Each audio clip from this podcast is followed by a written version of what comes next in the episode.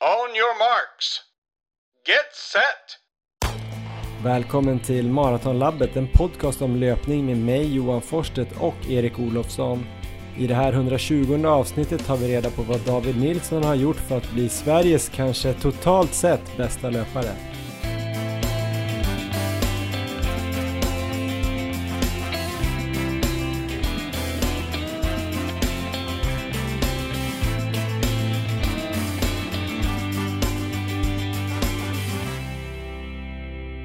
Ja men då ska ni alltså vara välkomna till avsnitt 120 av den här podcasten Maratonlabbet som ju jag, Johan Forsstedt, de senaste fyra åren har gjort tillsammans med dig Erik Olofsson. Hur är läget Erik? Ja men det är bra Johan, det är fantastiskt, fyra år, vem trodde det? Jag vet inte, inte jag. inte jag heller. Men det har ju varit kul i de här fyra åren, får se om det blir fyra till. Vad tror du? Um, ja vi får se, jag ska, jag ska känna på det imorgon när jag ska ut och springa.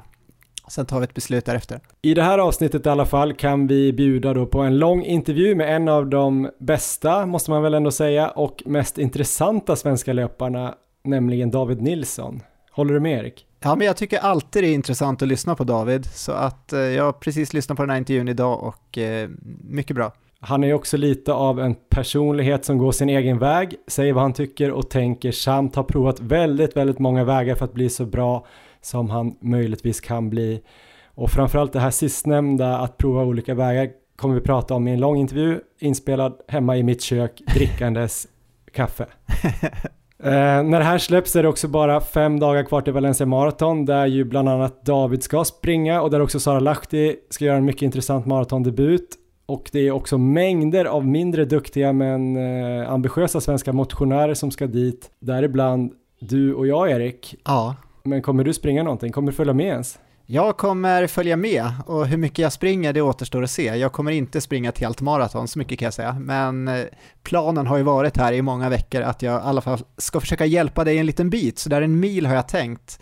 Um, nu har det varit lite struligt på slutet, vi kommer komma tillbaka till det, men uh, vi får väl se helt enkelt. Men jag tycker vi börjar med uh, för mig den mest intressanta starten i Valencia och det är ju Johan Forsstedt. Hur känns det nu med en vecka kvar precis nu som det är när vi spelar in? Ja men eh, det känns faktiskt bra, jag vet inte om man får säga det. Jag känner mig ganska redo faktiskt. Jag har gjort det sista hårdare passet idag faktiskt, inte så himla långt men eh, det känns som att all träning är avklarad. Jag ser tillbaks på 12-13 veckor här i alla fall med bra kontinuitet.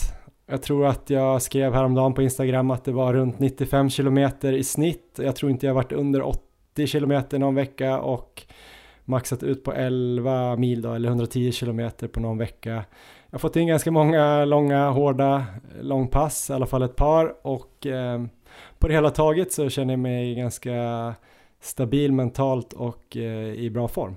Ja, det låter fantastiskt. Om du då jämför den här uppladdningen som du nu beskriver mot eh, till exempel förra hösten när du sprang maraton och även andra maraton tidigare, känns det bättre den här gången? Har du liksom fått till en bättre specifik period eller har det gått bra även inför din andra maraton? Jag har nästan starkast minnen från den där hösten 2018 när vi satsade på sub 3 i Frankfurt. För då var det ju ganska nytt att träna så pass eh, seriöst och hårt inför en maraton. Då tror jag att jag snittade runt 8 mil i veckan och eh, la in väldigt många sådana här eh, marafartsintervallpass och eh, längre hårda långpass och jag vet att vissa veckor kunde jag knappt bara träna fyra pass i veckan för att vi körde kanske, eller jag körde kanske ett eh, så här fyra gånger fem kilometer på tisdagen och sen eh, fredagen eller lördagen så körde jag kanske så här 37 eh, på ett långpass. Så det blev ja. ganska snabbt de här 80 kilometerna som jag då tyckte att jag kunde klara av att träna utan att gå sönder. Då kom jag ihåg att jag blev riktigt sliten de sista tre, två, tre veckorna in mot eh, Frankfurt och var ganska orolig att jag ens skulle kunna komma i någon bra form för jag kände mig ja, men lite övertränad helt enkelt och um, det gör jag inte nu. Nu känner jag snarare att så här, ja men har jag kört tillräckligt hårda pass för det känns som att jag har återhämtat mig bra. Jag tror också att jag har kört lite mer vilodagar mellan de här hårdaste passen. Vi hade ganska ambitiöst schema den där uh, hösten ändå, ja. kommer jag ihåg, att vi la la de där marafartsintervallpassen ganska nära långpassen och kanske försökte till och med trycka in något till fartpass eh, på en vecka och sådär. Så jag var rätt sliten då. I fjol kom jag faktiskt inte ihåg exakt hur jag tränade så jag var tvungen att gå in igår kväll lite grann och kolla faktiskt innan jag skulle gå och lägga mig så jag hade någonting att filosofera kring eh, innan eh, jag skulle somna. Så jag tittade lite översiktligt och jag har tränat lite mer eh, den här hösten. Alltså då, om man tänker perioden från eh, slutet av augusti fram till loppet så har jag kanske legat på, på någon mil till eh, varje vecka. I fjol låg jag nog på mellan 8-9 mil inför MLM maraton. Ja. Då tror jag att jag hade kanske tränat lite bättre på sommaren, i alla fall slutet av sommaren, för jag gjorde ju faktiskt den här halvmaran på 1.16.18 i i Bålsta när du harade mig i 15 kilometer. Just det. Så jag hade ju en ganska bra grund då att stå på och jag har ju sett nu när jag tittar tillbaks att jag gjorde några riktigt bra pass. Bland annat hade jag 30 kilometer rakt av runt fyra blankt i fjol okay. på ett pass. Um, och jag hade nog ett, det passet var nog typ 37 totalt och så hade jag ett som var 38 eh, som också var lite hårdare grejer i. Så jag vet inte, jag tränade ganska bra i fjol och då kommer ni kanske ihåg att jag missade 2.45 på MLM. Jag eh, tappade min klunga vid typ 26-27 för jag var tvungen att gå på toa och eh, sen fick jag springa själv och så krampade jag på slutet sådär. Så att, eh, eh men som sagt, jag har tränat lite mer nu och jag har gjort lite längre hårda långpass. Jag har gjort den här maran då, Stockholm Marathon, sub 3. Det var ju tanken att det skulle vara ungefär 90-92% av marafart. Och det var ju åtta veckor innan uh, Valencia och sen då fem veckor innan Valencia körde jag det här progressiva långpasset. Uh, 40 kilometer som då till slut blev 42 kilometer på 2.56. Så det är väl mina bästa pass. Sen gjorde jag ju ett här för några veckor sedan som var 10 gånger 2 kilometer i marafart med en kilometer flyt emellan och då landar det ju på eh, 3.51 snitt på de här två kilometerna och jag tror jag var 4.20 ungefär på, på vilan så det blev väl typ 30 kilometer i fyra blankt där också. Så jag har gjort lite liknande pass. Eh, jag tror typ att jag är lite mer uthållig den här gången i år. Eh, kanske om jag skulle möta mig själv i ett 10 kilometers lopp just nu. Ja och eh, tre veckor innan MLM. Kanske hade fått stryk i år, jag vet inte. Men å andra sidan kanske jag skulle slå mig själv på maraton, alltså mitt nuvarande jag, en fjolårs-Johan. Så att eh, sammantaget så är det väl eh, ganska bra läge ändå eh, om man tänker att det är maraton jag faktiskt ska springa. Men det jag upplevt under mina så specifika perioder innan maraton är ju att jag haft väldigt få gånger, eller jag har inte haft någon enda gång när jag inte haft några dåliga kvalitetspass också med. Men när jag har följt din träning här under den här perioden, det känns som att du bara i princip haft bra pass. Och det är ju helt fantastiskt. Eh, upplever du det så själv också? Jag upplever att jag har eh, haft bara bra pass ja. ja. jag upplever också att jag är då kanske lite Magiskt. orolig att jag har eh, eventuellt satt ribban lite för lågt eller att jag inte har gjort tillräckligt hårda pass helt enkelt. Um, samtidigt så tror jag att jag har varit lite mer tålmodig den här gången än uh, framförallt 2018 men kanske även jämfört med i fjol. Jag har liksom uh, vågat ligga kanske på två kvalitetspass på en vecka och kanske till och med vilat en extra dag om jag känt att jag behövt det innan något sånt här äh, riktigt hårt pass. Ja. Så jag varit ganska förberedd äh, ändå. Och jag känner nog, jag gjorde 15 kilometer i 3.53 äh, fart här i torsdags som var 10 dagar innan Valencia och det var väl mitt sista det var typ mitt genrepspass egentligen. Hur skulle det kännas att springa då 15 kilometer i min marafart ungefär? Och då kändes det kanske för första gången som att allt eh, föll på plats ordentligt ändå. Ja. Då tyckte jag ändå att det var ganska bekvämt att springa i den farten. Jag kollade inte ens så mycket på klockan och jag låg väl några slag över min aeroba tröskel på pulsen och det var ganska blåsigt den här dagen. Men eh, det kändes som att jag var lika trött eller inte trött sista två kilometerna som första två kilometerna. Och det var lite mer känslan som jag kommer ihåg att jag hade inför eh, Frankfurt 2018. Ja. När jag sprang då i 4.15 fart inför det här loppet. Att det kändes ganska behagligt på träningen då när jag körde kanske en så här 5 km eller 10 km. Bara för att testa farten liksom. Och då kom jag ihåg att jag hade kanske ännu mer fartresurser kontra då marafarten. Nu har jag det där kanske gapet eh, blivit lite tajtare om ni förstår vad jag menar. Men det kändes väldigt bra då. Så att eh, svaret på din fråga är att det har faktiskt känts bra hela vägen. Och jag har ändå haft eh, en verklighet här hemma där jag har fått ett till barn och eh, en treåring som har gått på förskola som har kanske snappat upp, eh, ja ni vet ju alla som haft barn på förskola att det varit mycket sjukdomar och så. Och jag har bara haft en sjukdag vad jag vet och eh, jag har typ inte haft några känningar heller. Kanske lite här en ljumske som spökar lite, sprang några dumma pass kanske du skulle säga uppe i Östersund när jag var där bara två dagar här i, ja det var väl här för en vecka sedan så sprang jag, jag vet inte fan varför jag skulle springa Snöskor? En minuter på is men eh, jag gjorde i alla fall det och eh, 15 gånger en minut med en minuts lätt joggvila bara för att få lite överfart. Tänkte så här, det här är ju lite för halt, jag kommer ju säkert få riktigt sura ljumskar av det här.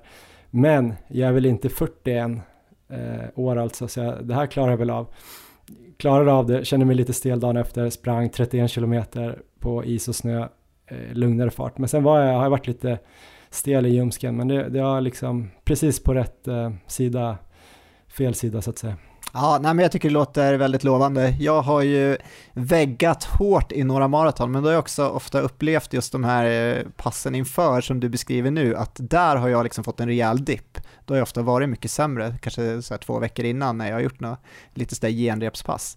Så det har varit genomgående för mig, så att eh, det ska du ta med dig nu. Har det känts liksom bra de här sista veckorna, då eh, talar tycker jag allt för att det det kommer gå fantastiskt i Valencia, men om vi då tar och kollar på det här loppet då Johan, har du visualiserat det framför dig nu under träningen här på dina kvalitetspass och så? Vad tror du att du kommer få uppleva den här dagen? Men jag har faktiskt eh, kanske slarvat lite med den där visualiseringen, men jag har börjat med den här nu sista tiden här och börjat eh, till och med visualisera resan dit och eh, hur vi ska flyga ner och sen uh, åka till vår lägenhet och sen jogga till uh, nummerlappsutdelningen och sen jogga hem och äta ris med sylt och sen uh, ska vi ligga och kolla på någon peppig film, kanske Remember the Titans som jag gjorde inför Frankfurt. Sen ska jag sova väldigt gott och så ska vi jogga till starten med några över... Nästan bara fram till starten som jag har faktiskt visualiserat. Sen tror jag att eh, det här är ett lopp där det kommer vara väldigt mycket duktiga liksom löpare eller subelit eller elitmotionärer. Så att jag tänker mig att siktar man eller att man går ut i någon typ av fart för att eh, komma runt 2.45 som sluttid så skulle jag väl kunna tänka mig att det finns lite klungor där och bara glida med i och så tänker jag mig att du springer där minst en mil och den milen tror jag bara ska njuta av faktiskt och eh, det var ju otroligt platt ja. bana i Valencia och jag hoppas ju på 8-10 grader vid start, lite sol kanske, medvind bara och så kommer jag bara glida runt och tänka så här, det här är helt sjukt vad lätt det går. Och sen är jag ganska övertygad om att det kommer kännas faktiskt ganska bra då, minst 15 för det har jag ju provat nu. Och kanske till och med halva kommer kännas bra. Sen ska jag då, vad var det Musse sa först, baksätet. Just det, just det, det är bra. I, i 13-14 kilometer. Sen ska jag sitta i framsätet då, där när du har hoppat av. Och så ska jag ändå vara ganska fokuserad, mycket tekniktänk tror jag. Varje steg ska vara bra tänker jag. Och varje liksom vätskestation och varje gel som jag ska käka ska jag verkligen få i mig. Jag slarvade ju lite när vi sprang i Stockholm. Mycket sådana där bitar och sen tänker jag väl att eh, 30-32, man ska inte tänka för långt men där någonstans dit tror jag jag har det att kunna ligga i 3.55 fart. Och sen vet man ju, maraton är maraton, så sen eh, händer det som kommer att hända. Men jag kommer vara riktigt taggad på, att hålla farten hela vägen in i mål i alla fall. Det låter bra Johan, jag ser fram emot det här otroligt mycket. Jag har visualiserat för mig själv här att jag kommer ju vara med dig ett tag i början där, sen ska jag bara ta det som ett långpass och springa runt och eh, peppa och langa gälls och eh, bara, ja, vi ska jobba in dig där Un, under 2.45 och vi får se vad det sen slutar på. Men det är, det är måltiden då. Ska vi slå fast det att det är sub 2.45 som gäller? Jag tror nästan det. Vad tycker du? Jag tycker det är svårt för att jag börjar bli lite orolig så här. Är jag för mesig eller feg? Eh, samt, jag tror kanske, om jag skulle gissa nu så skulle jag gissa på att, alltså om man tänker sig eh, kapacitetsmässigt så kanske jag ligger mellan 2.42 och 2.48 någonstans. Eh, det såklart kan det ju gå sämre beroende på om någonting händer. Men eh, någonstans där borde jag ju ligga och jag, då känns ju 2.45 rätt rimligt. Men jag kanske om man hade haft en mer så här, om jag hade vetat att det var det absolut sista maratonet jag någonsin hade sprungit och det var, ja du vet, skitviktigt att komma under 2.42 för, av någon anledning, så kanske jag hade kunnat sikta på det. Men då är ju väldigt stor risk att jag sprängs upp och eh, gör typ 2.53 och då kommer jag ju vara jättebesviken. Ja, jag har ju stor tro på dig, men jag tror det kan vara en bra plan här. 2.45 i tre bil och sen så kan du få lite fria händer efter det och gå på känsla. Men som sagt, jag kanske gör, jag kommer vara nöjd med, med det mesta tror jag. Under 2.48 kommer jag vara nöjd, under 2.50 kommer jag försöka vara nöjd. Vi får väl se vad som händer helt enkelt. Ehm, det ska bli kul och jag är avslappnad just nu i alla fall. Vi får se om det kommer någon sån här formtoppningsgalenskap eller att jag kommer bli nojig, men jag tror faktiskt inte det. Jag är bara nöjd att jag har gjort eh, all träning så himla bra och eh, ser bara fram emot att få åka till Valencia och springa i shorts och linne igen. Själv då Erik, eh, lika glad och nöjd och pepp på löpning? Jag funderar på om vi ska skippa mig idag och bara köra ett så här ljust avsnitt med bara positiva ord och pepp och glädje. Det tror jag kan vara en eh, bra idé, men eh, ska vi gå in på min träning lite så går det ganska snabbt. Jag har typ inte tränat alls sen vi spelade in sist i princip. Vad har hänt egentligen? Eh, nej, jag pratade lite om det i förra inspelningen och det är ju mitt, min baksida eh, höger baksida lår som jag hade känning i där under några kvalitetspass. Så efter inspelning sist så tog jag väl en tre lugna dagar, eller tre vilodagar helt enkelt och sen så gjorde jag ett test och då var jag helt övertygad om att nu kommer det där vara borta och vara helt bra. Men det var det inte utan det kändes under det passet då. Det är bara som en liten minibristning i baksida lår, det är så det känns. Så då bokade jag in tid hos fysio och, som var, och gick jag dit och kollade upp det och det var väl eh, ungefär den diagnosen jag fick, att det är som en liten överansträngning i baksida lår, men att jag ändå kanske behöver en, behövde en vecka minst för att få ordning på det. Så det har jag tagit nu. Jag har fått eh, rehabövningar då som jag har kört på med här i veckan. Jag har eh, gått tillbaka till gymmet också, kört lite styrketräning och sådär. Men det har varit en väldigt, väldigt lugn vecka. Jag har inte sprungit en meter och eh, ja, imorgon så ska jag testa igen då för nu har det gått eh, sju dagar utan löpning. Så att jag hoppas att det är helt bra imorgon.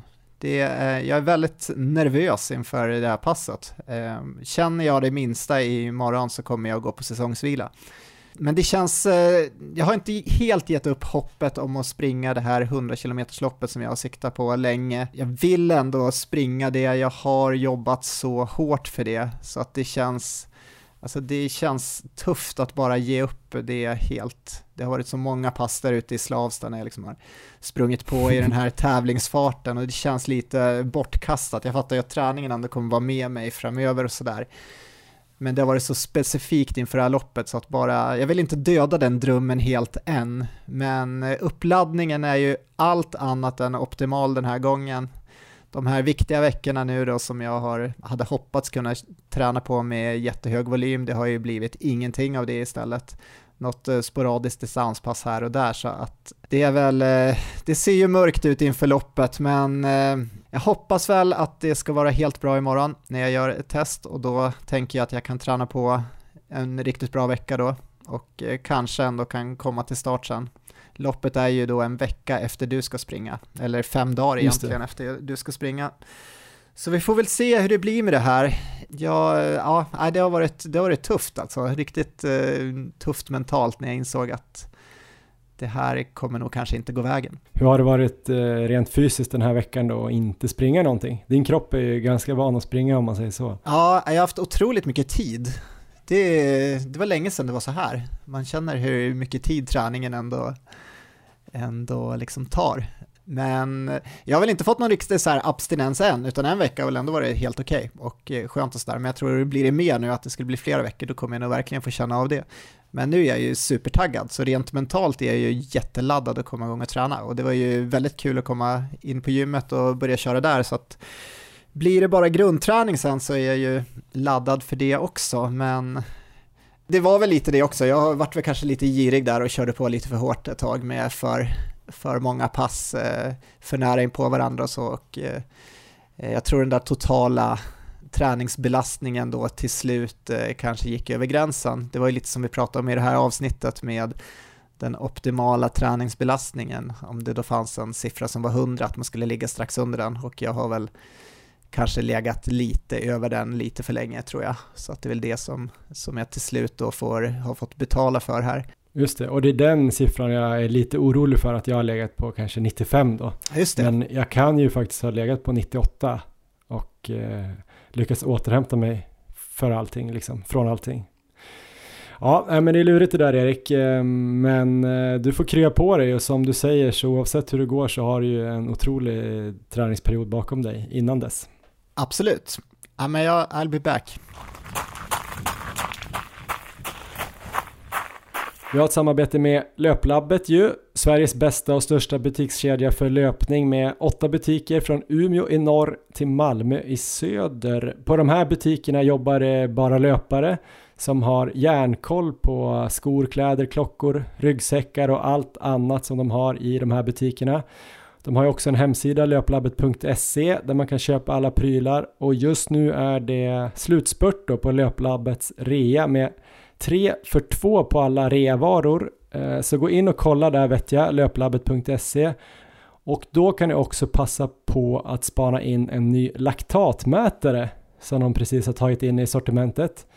Den heter TaiDoc, T-A-I-D-O-C och eh, jag har inte provat den, men eh, den ser intressant ut eh, tycker jag. Det som jag tycker verkar mest intressant är att det bara ska ta fem sekunder för att få själva resultatet från att man eh, då droppar den här eh, blodsdroppen på stickan som är i den här eh, laktatmätaren. Och det är ju väldigt bra om man kanske då springer ja, 10 gånger en kilometer som de här eh, som dubbeltrösklar ofta gör. Att eh, man kanske har en vila då på en minut och då vill man ju hinna sticka sig, eh, få ut blodet, ta den på stickan och få resultatet innan man kör nästa intervall då för att se om man ligger rätt och kanske mitt i där någon gång. Men syftet är ju att mäta intensiteten på passen och används av många i den svenska, norska löpeliten eftersom man då tycker att det är ett mer exakt mått på ansträngning då än puls. Kolla in då Tidox laktatmätare på löplabbet.se.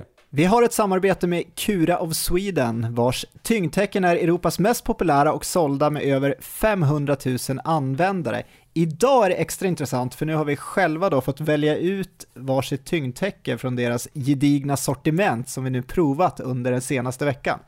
Och mitt val föll på Cura Pearl Classic och det är täcke av den svalare varianten, det passar mig ganska bra eftersom att jag är väldigt varm när jag sover. Och tyngden jag valde var 9 kilo. Och hur har det då gått? Har jag sovit mer? Spännande. Ja, har jag sovit bättre? Jag tror faktiskt jag har det. Framförallt så gillar jag den här känslan av att ha tyngdtäcket över mig. Det blir liksom en, som en stor omfamning. Så när jag har somnat så har jag sovit riktigt bra. Jag kan inte säga så att jag har sovit mer, men det handlar kanske mer om eh, kvälls och morgonrutiner. Jag kan tänka mig att jag sover mer totalt eftersom att kvaliteten på sömnen har känts bättre. Så under den här första veckan har jag bara sovit med tyngdtäcket. Jag tänkte testa lite framöver att eh, variera, kanske köra varannan natt med vanligt täcke och se om man kan se några klara skillnader. Men ändå ett eh, väldigt bra första intryck för mig. Hur har du upplevt det Johan? Alltså jag har inte kommit igång lika bra som du måste jag erkänna. Jag eh, har testat det lite grann bara testa att ha det på mig. Okay. Jag kommer nog vara tvungen att återkomma lite grann. Jag blev väldigt, väldigt nojig här eh, inför, upp, med uppladdningen inför Valencia. Att eh, jag blev nästan som Erik Olofsson. att, eh, jag kan inte börja prova något nytt nu när allt har gått så jäkla bra.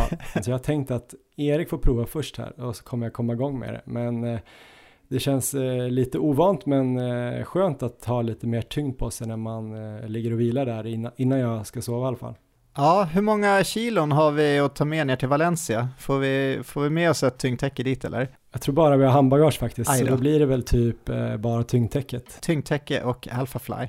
Men 9 av 10 upplever i alla fall bättre sömnkvalitet och ökad avslappning med Kuras tyngdtäcke. Och just nu så har de 30 nätters nöjd kundgaranti på alla deras tyngdtäcken och ni får pengarna tillbaka om ni inte skulle vara nöjda. Så det finns verkligen möjlighet att testa om detta är något för er. Och med koden maratonlabbet25, alltså maratonlabbet med små bokstäver och sen 25 med siffror, får ni dessutom 25% rabatt, så ta chansen att få lite bättre sömn. Och ni utnyttjar alltså den här rabatten på eh, www.kuraoffsweden.com. Tack Kura! Till sist så är det här avsnittet också sponsrat av Flowlife som ju nyligen har kommit ut med två uppdaterade versioner av deras populära massagepistoler, Flowgun Go och Flowgun Pro. Vi har ju en som heter Flowgun Pocket också, som är ännu mindre. Men eh, just eh, Go och Pro har kommit ut nu i eh, 2.0 version och Flowgun Go finns i två färger, blå och grön. Den har eh, en ny starkare motor men ska vara lika tyst som förut. Den har en touchfunktion istället för en knapp och inbyggd trycksensor eh, som med hjälp av de här lysande lamporna på pistolen visar hur hårt man trycker. Eh, Jag har faktiskt kört en hel del massagepistol den här veckan Erik. Okej, Men eh, det var ju de här två ganska utmanande passen på is och snö som ställde till det lite grann där uppe i Östersund. Vänster ljumske blev ju rätt tight och lite sur. Eh, Så att för att klara av mina kvalitetspass den här veckan så har mina lugna dagar då bestått av eh, lätt löpning och även någon dag helvila. Och sen har det varit liksom flogan eh, pistolmassage och löpyoga.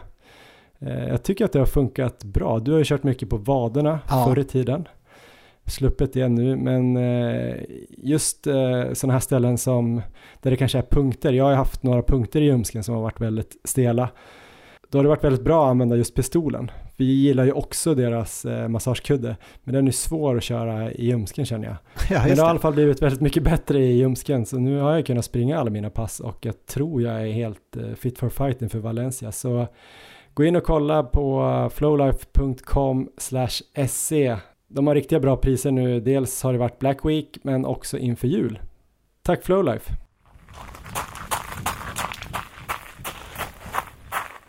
Ja, men då är vi framme vid det här avsnittets intervju som är med David Nilsson, en av Sveriges bästa löpare genom tiderna skulle jag säga. Han har just nu svenskt rekord på 5 km landsväg. Han har haft svenskt rekord både på halvmaraton och maraton och på 10 km är han bara 4 sekunder från det svenska rekordet. Eh, David är känd för att gå sin egen väg och prova väldigt mycket olika typer av saker för att bli ännu bättre som löpare och dessutom gillar han ju att springa i bergen, bara en sån sak. Här, varsågoda David Nilsson. On your marks. Get set. Du får börja med att, eh, att jag eh, drog mig för att vara med för någon månad sedan. För då, då var jag för aktuell. Ja, då sitter jag här med eh, David Nilsson som vi egentligen skulle försöka få tag på inför Stockholm Marathon. Eh, Då ville du inte vara med David. Ja, jag kanske var lite svår just då. Du hörde av dig eh, kanske en vecka före Lidingöloppet och min status kändes inte riktigt 100 procent. Eh, Det här året har ju varit lite speciellt för mig så då kände jag liksom inte för att vara med i en podd och prata om hur det eventuellt skulle gå i kanske Lidingöloppet eller Stockholm Marathon. Känner du att det blir ofta lite för mycket fokus på just på lopp och direkt efter lopp och sådär när man ska intervjua duktiga löpare som du själv? Ja, men det tror jag. Det är oftast då man eh, nämns eh, på diverse löparsidor eller ja, det är väl till och med då man själv väljer att posta ett inlägg på Instagram just när man har tävlat, i alla fall jag. Ehm, så det, ja, det blir ju så att ens prestationer räknas ju väldigt mycket mer än träning och så ska det ju vara. Men, eh, men det som gör eh, sporten intressant är ju egentligen inte själva tiderna utan det är ju personerna bakom tiderna och de personerna kommer ju fram bättre i, ja, i ett perspektiv då man kanske inte är dagsfärsk rekordhållare eller något liknande. Innan vi satte igång här så pratade vi lite om eh, Valencia 2020 som ju prestationsmässigt eller resultatmässigt var nästan exakt lika bra som 2019 när du slog eh, svenska rekordet. Eh, det var inte lika många som eh, ville prata med dig då. Nej, exakt. Vad blir det? Bruttotiden var väl till och med en sekund bättre än året innan. Men eh, nettotiden, då, den som räknas, eh, slutade på exakt samma, 2.10.09. Eh, och skillnaden var ju att eh, 2019 slog jag det här 36 år gamla svenska rekordet från Kjell Ståhl medan jag nu missade Mustafa Mohammeds färska svenska rekord med 6 sekunder. Så egentligen skyller jag väl inte journalister för det, för att det, det, de kanske inte riktigt visste hur de skulle gå tillväga. Det var fortfarande en bra tid, men misstänkte väl att jag inte var helt nöjd. Uh, ja, och likadant liksom bekanta kanske också hade lite svårt att höra av sig, uh, för man kanske inte riktigt visste vilka ord man skulle ta till. Vad kände du efter den prestationen i Valencia? Fick du till det så bra som du hade velat eller kände du att du hade haft mer i dig? Nej, jag hade en förhoppning eh, om att springa på 2.08.45 eh, och min känsla under loppet att eh, det här kommer bara bli 2.09. Ehm, så jag var, jag var liksom synnerligen irriterad över det. Jag hade väl börjat inse det redan dagarna innan då jag kollade på väderleksrapporten att det skulle bli för mycket vind. Men tänkte ändå att i en stor grupp så, så kan det bli under 2.09. Eh, sen skedde det mycket små till större grejer som, som helt enkelt inte funkade sista veckan. Jag fick inte riktigt till den där dagsformen. Jag tog massage två gånger på plats i Valencia som var alldeles för hård. Eh, så musklerna var inte så som de ska kännas. Eh, och ett misstag under loppet var att jag föll halvvägs vid en vätskestation. Eh, dels har blåmärken kvar än idag eh, från det gäller R ska väl sägas numera. Eh, men eh, ja, att man också drog på sig onödig syra för att springa ikapp klungan och ja, kom aldrig riktigt in i något lugn igen utan ja, därifrån så började tröttheten komma mer och mer. Du känns ju väldigt analytisk när man pratar med dig och när man tänker efter. Ibland kanske du beskrivs mer som en, eh, det här är mina ord då, men någon typ av karaktär, en bohem som dricker öl inför loppen och sådär. Men eh, det finns ju inte så många som jag tänker på som har testat mer saker än du eller verkar tänka efter mer på sina prestationer i efterhand än du och analyserar. Efter ett sånt lopp, eh, hur mycket analyserar du det? Ja, väldigt mycket. Eh, det började ju med då liksom att de här veckorna efteråt var man ju förföljd av, av alla videos från loppet. Ehm, Instagram vet ju om att man var där och jag följer väldigt många löpare, speciellt de som jag tävlar mot.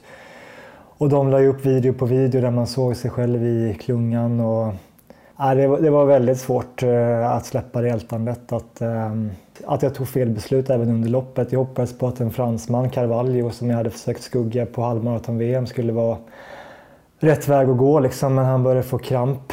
Eh, och då hade jag redan släppt klungan för jag trodde att klungan gick lite för hårt. Ehm, och sen var det först någon kilometer senare, kanske med fyra kilometer kvar, som en spanjor kom i högre fart så jag kunde ta hans rygg istället. Och han gick då in på 2.09.56 ja, han var ju tvungen att släppa men det fanns en annan kille som hade 2.09.59 och jag tänkte att om jag bara hade tagit hans rygg från början hade jag ju grejat det. Och då hade det i alla fall blivit svenskt rekord och det jag kanske inte hade varit nöjd med men det hade inte varit ett misslyckande. Och, ja, så det här ältandet skulle jag säga att det, det pågår igen idag men, eh, men nu har man ju lite mer perspektiv, ännu mer perspektiv på det och ja, det, det finns ju alltid andra saker att älta i livet också så nu, nu är det inte bara Valencia längre. Varför tror du att du ältar så länge då? Det finns ju fler chanser tänker jag, ett tag till i alla fall. Ja men precis. Eh, dels, dels tror jag många andra löpare bara skulle eh, tänka att jag var helt enkelt inte bättre. Att hade jag varit bättre så hade jag liksom sprungit snabbare uh, utan en rygg. Liksom. Men för mig att få till de här riktiga prestationerna handlar oftast om att ja, jag måste ta rätt beslut. Jag har inte den överkapaciteten att jag bara kan springa hur som helst. Och det är väl just därför som jag har även svårt att ibland blicka framåt för jag vet liksom att jag har, jag har varit ganska noggrann för att få till den här formen och det kommer inte av sig självt. Och många andra löpare kanske har tänkt att ja, jag kommer ändå springa mycket bättre nästa gång men jag är inte riktigt sån utan eh, när jag verkligen får till det så brukar jag tänka att nu, nu blir det nog inte bättre än så. Men du är ju 34 nu, eller hur? Ja, det stämmer. Hur länge tror du att du kan springa på den nivån du är nu och hur länge kan du hota liksom, ett svenskt rekord eller springa runt 2.08 som du var inne på där? Ja, um, men egentligen, även om det inte har gått spikrakt kanske, så har jag i princip utvecklats på den sträckan som jag har haft mest fokus på ända sedan jag var 20. Men det har väl liksom de flesta år bara handlat om en kapning av ett par sekunder eller just kanske att jag har flyttat fokus upp och ner mellan milen och maren och sådär. Eh, så det är väl ett par år här och där då jag verkligen har tagit stora lyft som 2015, ehm, ja faktiskt förra året. Och den typen av lyft tror jag inte att jag kommer kunna ta i, igen. Eh, utan nu är det de små stegen som jag hoppas kunna ta istället. Och jag hade väl väldigt bra självförtroende kring det fram till uh, min malaria kom uh, i mars det här året. Uh, som helt satte käpparna i, i hjulet för min utveckling. Och efter det har man inte alls varit säker på att man ens ska kunna ja, närma sig den nivån som jag låg på precis innan. Um, och hota till exempel de svenska rekorden. Men just sista fem sex veckorna så har jag ändå ja, haft stabila blodvärden och gjort en och annan prestation, till exempel att jag vann terräng-NM um, ehm, och även gjorde ett stabilt lopp i Stockholm Marathon som ja, faktiskt gör att jag börjar få lite mer trygghet igen i satsningen.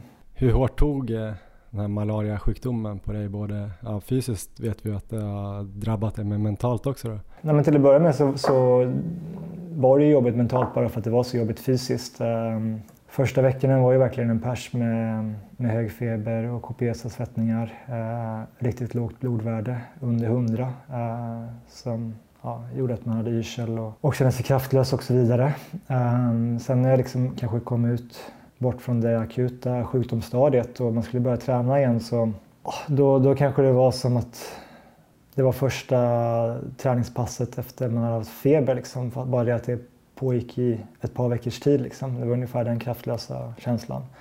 Så det tog, det tog ju tid. Eh, men eh, när man har varit så dålig så är ju varje steg framåt positivt eller skönt. Eller liksom, det enda man bryr sig om är ju att det går i rätt riktning. Eh, och det, har väl, eller det gjorde det väl egentligen väldigt länge. Sen fick jag ta ett ganska svårt beslut i comebacken och det var om jag skulle fortsätta satsa på 10 kilometer eller om jag skulle liksom kanske bygga lite mer eh, uthållighet, seghet eller vad man ska kalla det. Eh, och det beslutet skulle jag då ta efter långlöparens kväll. Då jag faktiskt eh, infriade mitt första mål precis då, under 29 minuter igen, 28.59.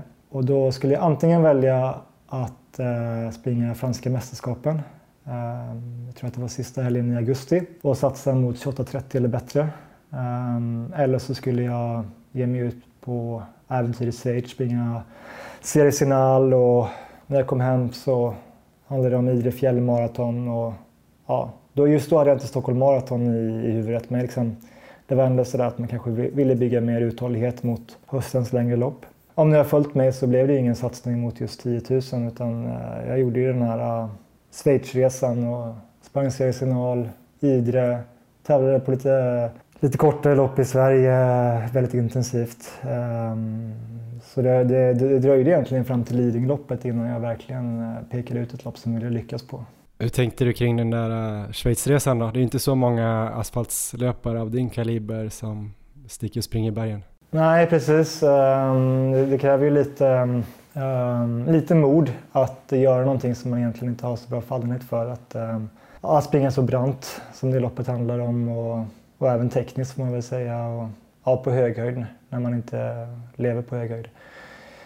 Det gick i alla fall. Eh, jag var nöjd med det loppet och jag tror någonstans att det faktiskt var bättre uppemot Lidingöloppet och, eh, och Stockholm Marathon att, att ha de långloppen bakom mig. Att jag kände mig som en stabilare löpare än om jag liksom bara hade fått in något 5000 och något 10 000 under sommaren. Vad gjorde du mer då för att satsa på den här segheten, uthålligheten och inte 10 000? Alltså i din vanliga träning? Ja, till att börja med så är det ju mitten eller nästan slutet av november nu och eh, i tisdag så körde jag faktiskt mitt första pass som, eh, som gick snabbare än tre minuters fart sen malarian. Eh, och då har jag ändå varit med på SM-milen där jag tog brons och kanske sprungit ett och annat femkilometerslopp men jag har alltså eh, bedrivit all träning eh, långsammare än tröskel skulle jag säga. Eh, ja, oftast har jag försökt sikta in mig på fem slag under tröskel kanske i snitt eller ibland till och med tio slag under. Eh, så förhållandevis liksom lågintensiv träning och,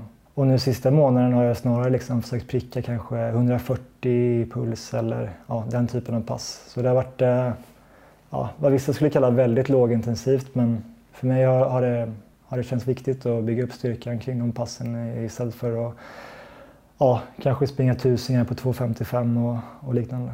Men har du sprungit mycket mer än vad du brukar göra då eller?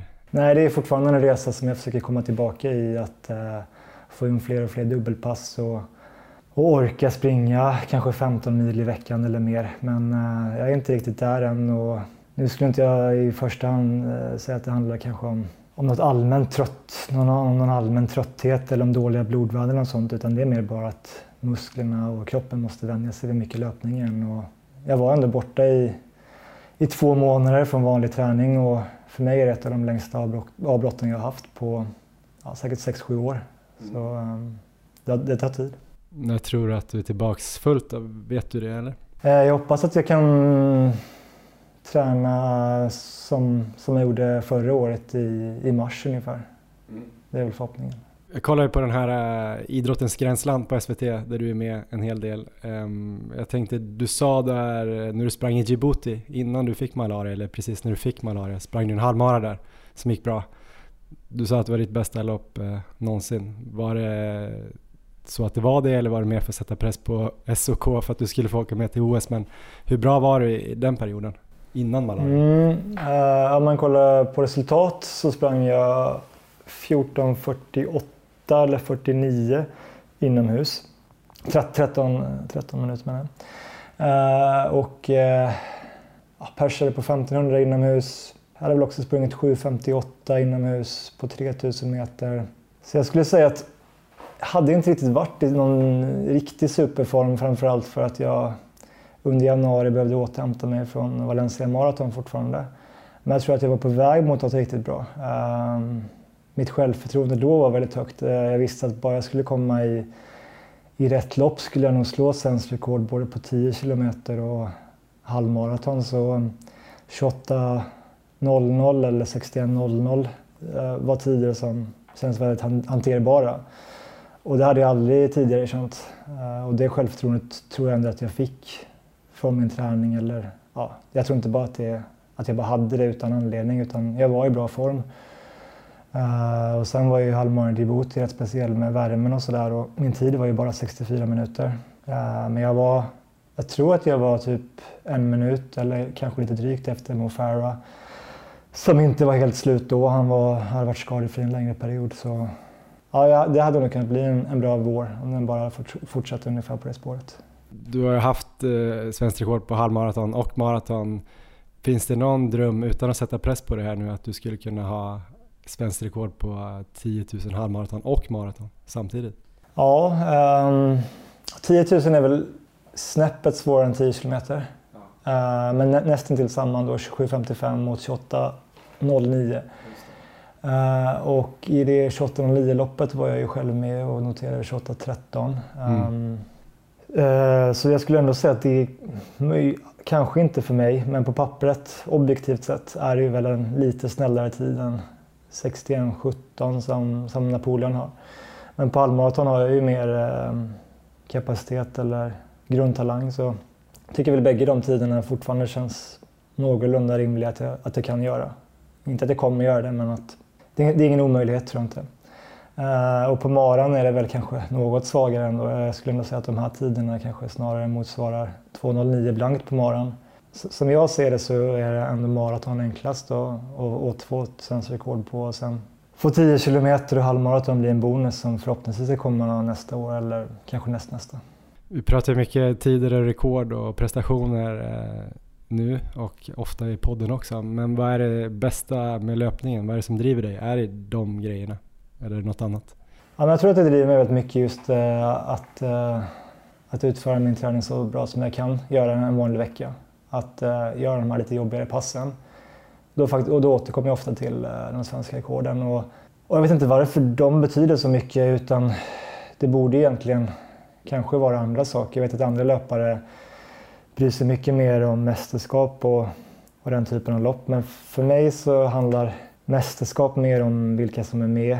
Ehm, um, SM-guld är liksom ingenting som, som i alla fall de sista 6-7 åren lockat mig överhuvudtaget. Uh, utan det kanske var någonting som man drömde om när man började heltidssatsa. Uh, men jag har sett så många vinna SM-guld som inte har varit i sin livsform eller som bara råkat vara där helt enkelt.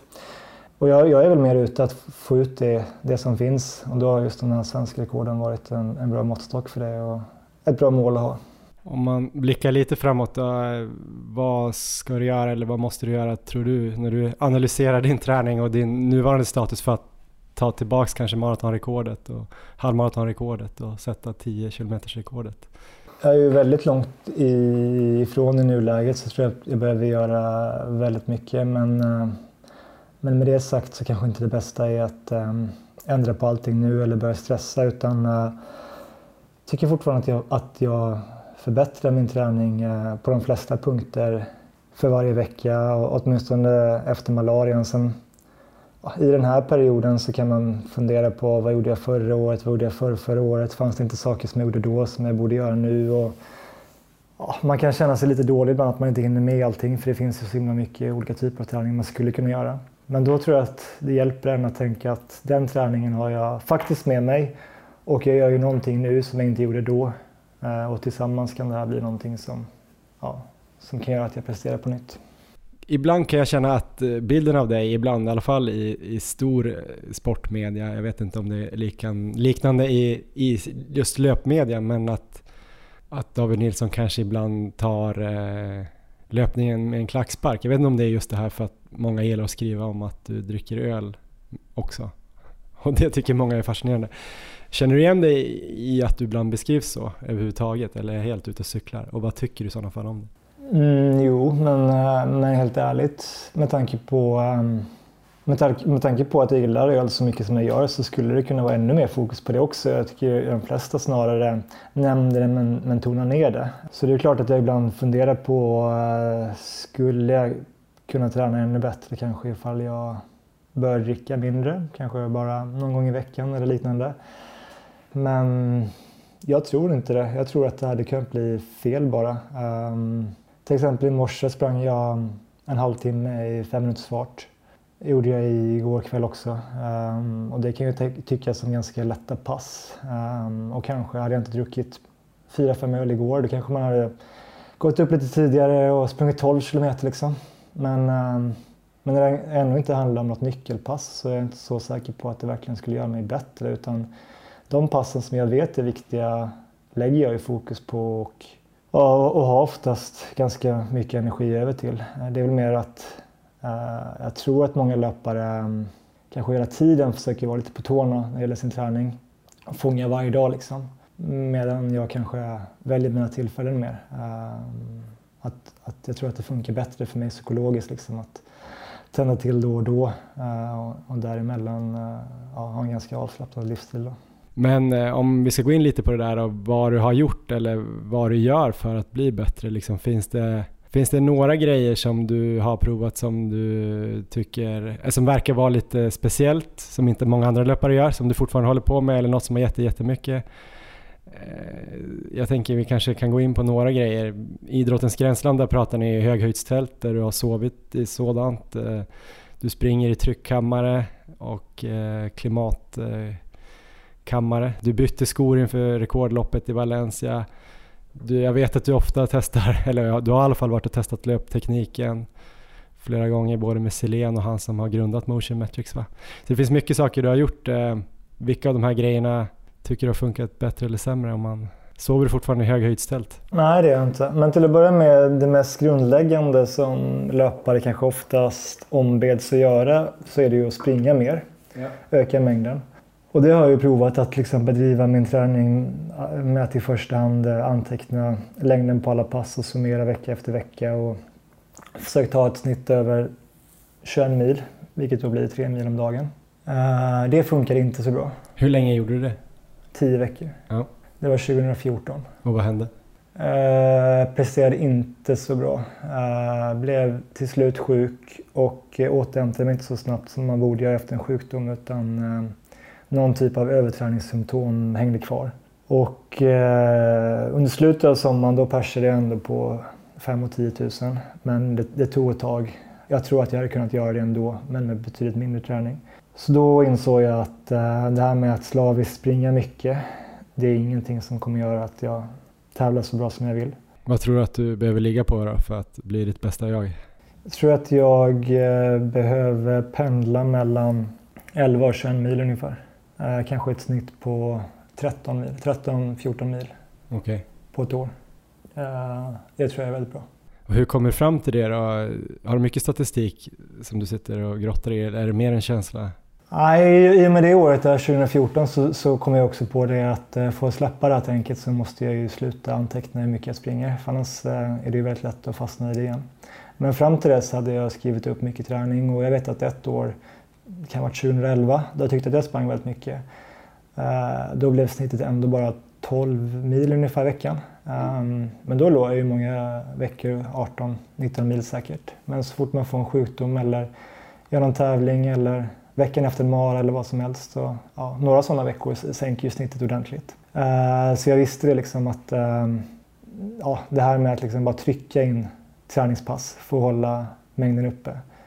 Det, ja, det kanske gjorde att jag lyfte mig från en 31 minuters nivå till 30 minuters löpare. Men det är inte där jag vill vara. Och det, det insåg jag väl 2014 att jag kom in, bara för att jag gick en nivå med det här tankesättet, den här typen av kontinuitet, så är det inte det som kommer göra att jag springer under 29 minuter. Utan då börjar jag inse att en annan typ av kontinuitet behövs. Det här med att kroppen alltid är mottaglig för träning istället, den typen av kontinuitet. Eh, så det är väl snarare det som jag har försökt anamma, att liksom aldrig göra ett hårt träningspass eller ett träningspass överhuvudtaget bara för sakens skull. Utan ska jag göra det så ska det ge någonting. Mm. Och om jag ändå väljer att göra det så försöker jag göra det väldigt långsamt eller liksom, ja, in, inte pressa utan det kan verkligen bli så att jag ibland springer i 5.30 per kilometer till ett pass eller ja, till exempel tre dagar före jag vann terrängen så sprang jag 17 kilometer i, ja det var just typ 5.30 eller någonting. Uh, och det, är, det är ju långsamt. Det, det är inte många elitlöpare som skulle välja att göra det. På vilket sätt eh, känner du av att du är mottaglig och när gör du passen då? Väntar mer om tills du känner den här dagen? Ja, eh, framförallt eh, sista året nu när jag tränat mycket själv igen. Då har det blivit så att jag har skjutit ett viktigt pass en eller till och med två dagar framåt. Jag är verkligen redo. Eh, annars är jag ganska lojal. Om jag har bokat tid så dyker jag oftast upp och gör det bästa möjliga av det. Um, så när jag fortfarande bodde på Lidingö så var det mer att man dök upp oavsett. Liksom att jag kanske dök upp en tisdag för intervaller fast jag hade tävlat på söndagen. Men då fick man också lägga ansträngningen därefter. Det är ju en press att träna hårt och jag tycker att det är mycket jobbigare när man ska göra det på egen hand. Så kanske lite därför också att man så lätt lägger en dag till framåt när mm. man ska göra det på egen hand. Eh, för att det verkligen ska bli av. Och jag fattar typ att många löpare också fungerar på det sättet att de inte känner någon skillnad. Att de lika gärna skulle kunna gå ut och, och göra ett sånt här pass eh, dagen efter de har sprungit eh, 15 kilometer i 3.50 eller något liknande. Och visst, det finns perioder då jag också kan göra det. Då är jag så pass vältränad eller skadefri eh, att det funkar. Men eh, för det mesta så måste jag ta det betydligt lugnare än så på de här mellandagarna. Då. Finns det något annat i träningen som du har märkt efter en lång karriär som passar extra bra för dig? Antingen typ löpningen eller något på sidan av eller typ av pass eller?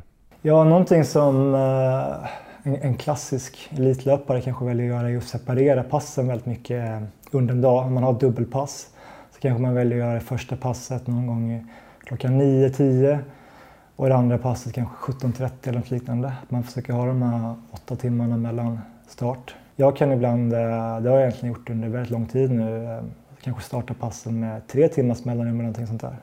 Så jag skjuter väldigt ofta på det första passet och sen när jag väl gör det så tar jag inte speciellt lång vila. Eh, ett exempel är bara igår när jag till slut kom till gymmet och ja, valde att köra lite baklängeslöpning faktiskt för att få bättre funktion i ena baklåret. Och så blandade jag det med att göra lite styrkeövningar och sen körde jag 15% lutning på löpbandet och sen körde jag lite mer styrka. Och sen satte jag mig bara i bilen, åkte hem, drack sportdryck, bytte om till torra kläder och gav mig ut och joggade en halvtimme. Så då, då tog jag i princip bara 20 minuter vila mellan passen.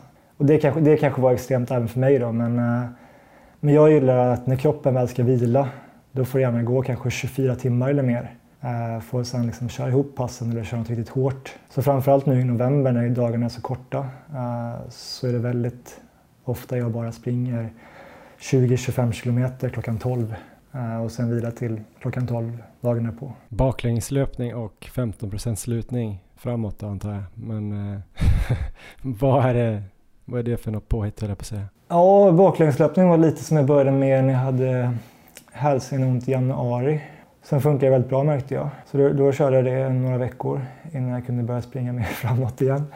Eh, och sen eh, nu så körde jag faktiskt också fast lite. Efter terräng så var jag överansträngd och så valde jag ändå att göra 4 gånger 4 kilometer på en kuperad grusväg. Och då blev baklåret ännu värre. Och sen sprang jag 45 kilometer tre dagar efter det och då blev det ännu värre. Och då tänkte jag, vad ska jag hitta på nu? Um, och då kom jag på det att det kanske är nu jag ska börja springa baklänges igen. uh, och det blev faktiskt mycket bättre dagen efter jag gjorde det. Efter att jag hade sprungit en timme baklänges så kunde jag springa 400 uh, på 69. Uh, så det är det snabbaste jag har sprungit på ett halvår. Um, så ibland är kroppen lite konstig. Vad säger de andra gymbesökarna när de ser Sveriges bästa löpare springa en timme baklänges? Ja, men för det första så är det ingen som känner igen mig. Eh, jag tror att i princip att ingen vem jag är på Värmdö. Eh, så det, det är rätt skönt att inte vara någon kändis. Sen är folk idag så himla uppslutna i sig själva. Jag kan till och med tänka på det ibland när jag kommer med ganska lätt och fint och snabbt löpsteg att den jag möter inte ens kollar upp i löparspåret utan eh, det finns inte någon riktig nyfikenhet och intresse av omvärlden utan man är, man är inne i sitt eget huvud och det kan jag väl själv märka att jag också kan vara när jag har bra flow men men skulle jag se någon löpare som sprang förbi mig då hade jag ju vridit och vänt på hela huvudet och nästan sprungit efter den personen. Eh, så jag är ju nyfiken men ja, jag kan ju förstå om man har lite olika liv. Jag hade kommit fram och snackat med dig också om du hade sprungit en timme baklänges på mitt gym. Eh, men vad hände där då med din eh, strategi att bara köra när du var mottaglig då? När du körde 4x4 och ja. passet? Ja, men sen är jag ju också pressad av att man liksom, man kan inte bara köra distans eller jogg en hel vecka utan ehm, jag, jag eh, väntar ju verkligen inte ut små skavanker och sånt utan det är, ibland funderar man ju på om det finns någon löpare som tränar med så mycket smärta, eller inte, inte, inte, inte smärta låter som att man håller på att ta ut sig eh, men ehm, vad ska man säga, stelhet eller obehag. För det gör jag. Uh, och jag vet inte riktigt hur jag ska komma bukt med det men uh, det har nästan alltid varit så och små, små perioder då och då så, så känns allting tipptopp men um, det är inte många veckor på. I det här upp, idrottens gränsland så körde du ju Dels fick man ju se då de här gamla bilderna från Aftonbladet när du kryper in i ditt höghöjdstält och sover. Eh, hur funkade det? Hur länge höll du på med det och vad gav det dig och varför gör du det inte nu? Ja precis, eh, ja, men jag provade det under ungefär ett års tid eh, i två olika lägenheter med två olika tält. Men det var såklart liknande effekt eller samma effekt.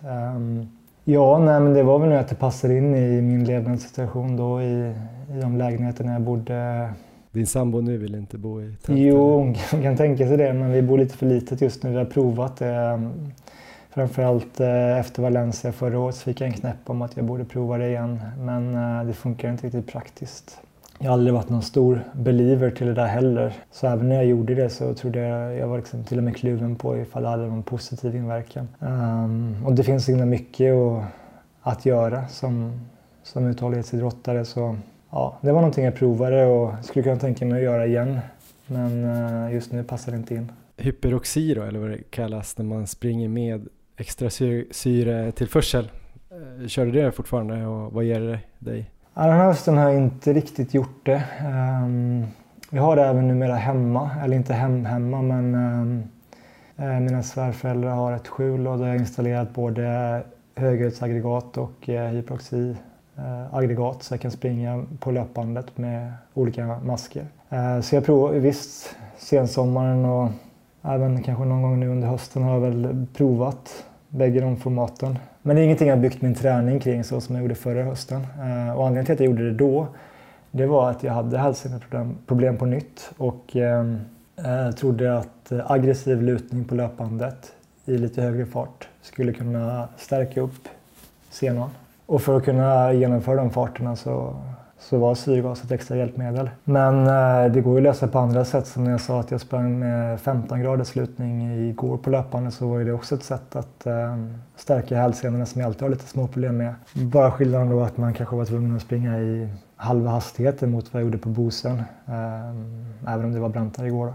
Alterger och sånt där eh, löpband som tar bort en del av vikten? Är det något, det låter för mig lite likt eh, att springa med extra syrgas på ett sätt. Ja, på ett sätt ja. Ehm, ja, men det provade jag 2012 redan. Ehm, fanns eh, i Linköping eh, som jag fick lite spons genom.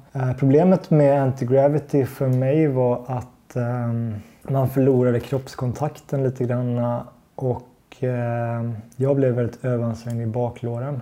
Kroppstyngden blir densamma ovanför eh, tältduken. Mm. Och någonting med det gjorde att jag liksom inte riktigt eh, kanske använde bålen på samma sätt eller hade kroppstyngden likadant. Så det, det blev lite som att man bara sprattlade med benen och, och det slutade med vissa dagar kolossal träningsvärk i baklåren. På ett dåligt sätt. Ja. Eh, så eh, det, det är någonting som är lagt åt sidan för tillfället men men jag har haft lite små kontakter även här i Stockholm med, med gym som har det och sådär men det har aldrig blivit av riktigt. Vanlig höghöjdsträning då?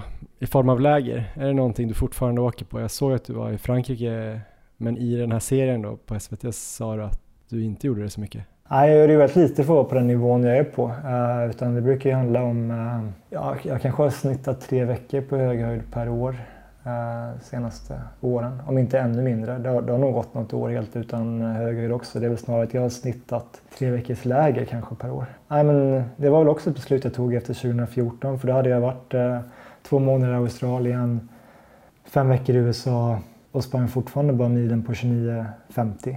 Eh, att så här kan det inte fortsätta. Jag kan liksom inte lägga de här pengarna på de här lägren och prestera på den här nivån utan jag måste satsa på att um, eh, utveckla en mer hållbar träningsmiljö ja, i Stockholm som blev mitt nya hem från och med det året. Och sen istället lägga krutet på att hitta bra tävlingar. Eh, så från och med våren 2015 så började jag söka upp de här riktigt bra snabba vägloppen och det har jag fortsatt med sedan dess. Så, ja, det har jag lagt ganska mycket tid på också.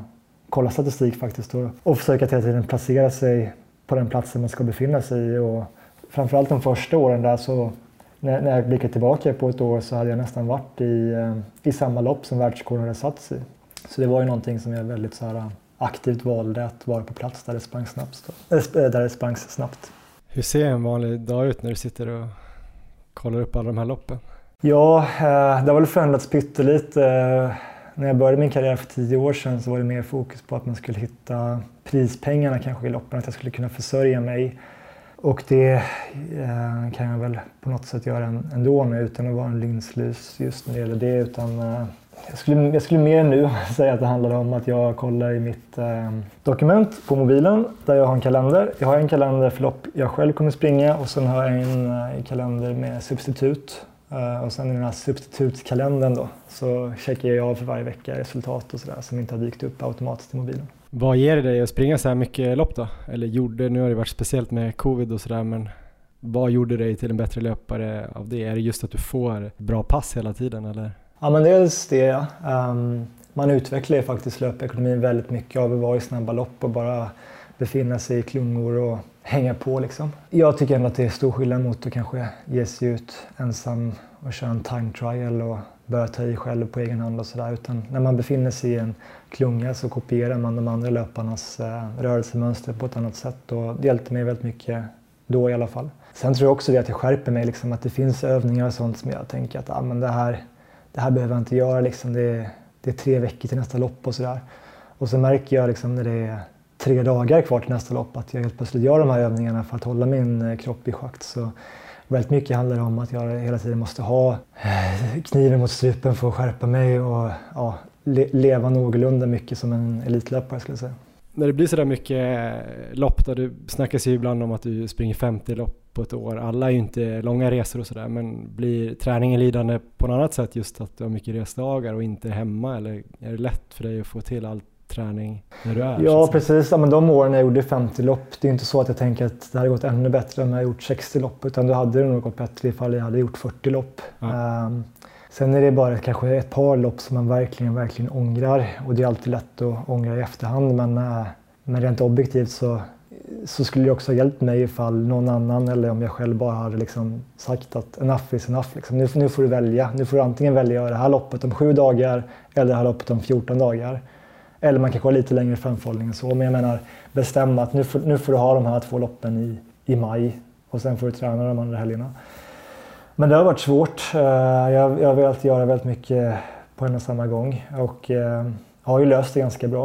Eh, men det är väl någonting som jag såklart har förstått ända från början att för att kunna bli ännu, ännu bättre så måste jag ju fokusera mer. Och till exempel den här helgen så skulle jag ha gjort ett 15 km lopp i Holland och fått ganska bra betalt och det hade varit ett kul lopp och jag kanske hade kunnat slå det svenska rekordet på 15 km men jag blev lättad när det blev inställt i förrgår bara för att jag, jag känner någonstans liksom att jag behöver träna. Så för mig personligen så, så var corona jätteskönt att alla de här valmöjligheterna var helt plötsligt borta. Att det enda som fanns kvar var att vara hemma och träna och ja, göra en och, ett och annat tidslopp både i Sverige och utomlands. Så jag satte ju svensk rekord två gånger om på fem kilometer och persade ju på vad blir det? 1500, 2000, 3000, 5000, 10 000, 5 kilometer väg, 10 kilometer halvmaraton, maraton och 15 kilometer. Uh, även om 15 kilometer var precis före pandemin. Så för mig var det jättebra att, att, att det var som det var. Att liksom, du får bara de här möjligheterna.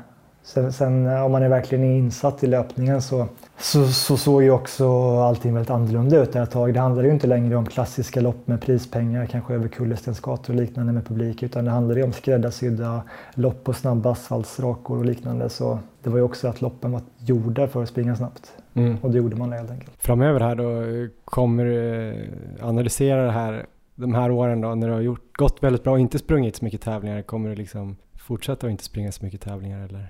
Nej, min planering redan nu ser ju ganska fullmatad ut igen. Um, sen brukar min kalender se så här ganska exklusiv ut ett halvår innan och sen när man verkligen är där så blir det lätt att man kanske plockar bort något av de här riktigt kravfyllda loppen liksom och istället bara kör något, något litet lopp här i Stockholmstrakten kanske för att man har någon känning eller är lite slutkörd eller vad som helst. Så att det blir aldrig som man tänkt sig, det inser jag ju. Men eh, för mig rent motivationsmässigt så är det nog viktigt att fortsätta planera och vilja mycket i framtiden. Känner du mycket press att prestera i de här loppen? Inte från sponsorer eftersom jag inte har några sponsorer. Um, och jag har ju oftast ganska låga förväntningar innan uh, utåt sett, kanske på sociala medier. Så, så det är nog bara inre press i så fall. Uh, nu kanske det ser lite annorlunda ut eftersom jag ändå har en flickvän men tidigare kunde jag faktiskt ge mig iväg till ett lopp utan att en enda kotte visste att jag skulle springa. Uh, tiden före jag hade en agent ens då. Och det passade mig ganska bra det här med att kunna och ja, faktiskt överraska ganska många med att helt plötsligt ha ett pers i något lopp som ingen förväntade sig att man skulle springa.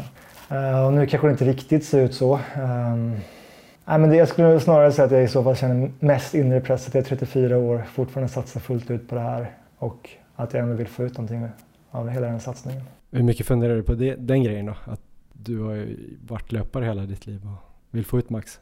Ja, men det är väl ganska naturligt, det är jag ju inte ensam om. Uh, och det är snarare att jag känner mig mindre och mindre splittrad. Att när man var 25 så fanns väl fortfarande, chansen finns väl fortfarande, men när man var 25 så så, så stod liksom den andra världen fortfarande på glänt på ett annat sätt. Att det var lite då man kanske skulle ge sig in i en annan karriär eller någonting. Nu personligen känner jag att många av de tågen har gått. Eh, kanske framförallt intressemässigt. Att jag har svårt att se att jag skulle kunna gå in så hårt som, som krävs för att välja en annan bana.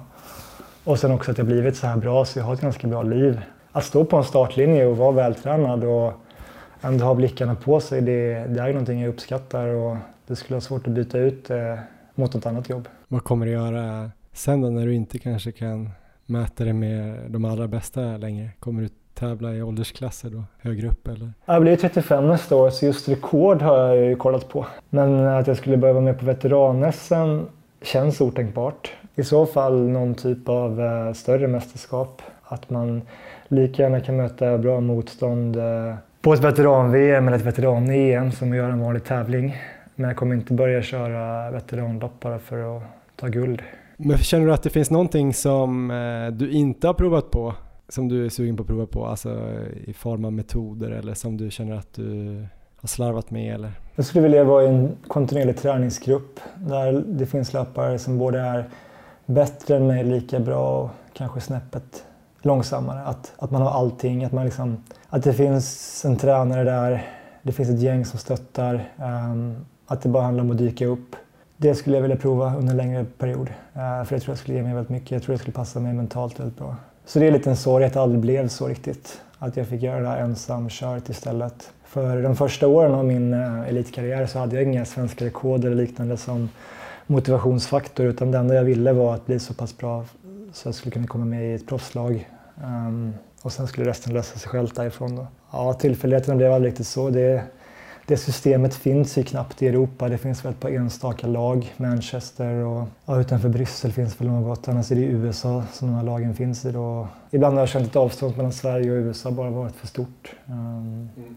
Att också de amerikanska lagen i första hand är till för amerikaner och, och som svensk så har man lite hamnat utanför den typen av sponsor, sponsortänk. Det kanske finns inom traillöpning och ultralöpning och sånt men just inom friidrotten har eh, de här proffsgrupperna som sponsorer lanserat inte riktigt slagit an. Det fanns aldrig något alternativ i Sverige eller typ att vara med i någon klubb där det ändå finns hyfsat bra löpare här i Stockholm? Ja, men jag har ju sprungit mycket med spårvägen. Eh, vissa år väldigt mycket till och med. Men jag har ändå alltid gjort det på mina villkor. att kommit på de passen som passar mig och ibland kanske bara värmt upp ihop och gjort någonting lite annorlunda med någon enstaka annan person. Så den tanken har väl funnits. Eh, men jag tror snarare tanken har funnits att lära sig från löpare som, som jag upplever som bättre än mig. Ehm, efter att ha bott i Malmö några år och försökt träna med Jonas Glans som bara fortsatte att vara skadad så flyttade jag till Göteborg för att träna med Mikael Ekvall som jag tyckte var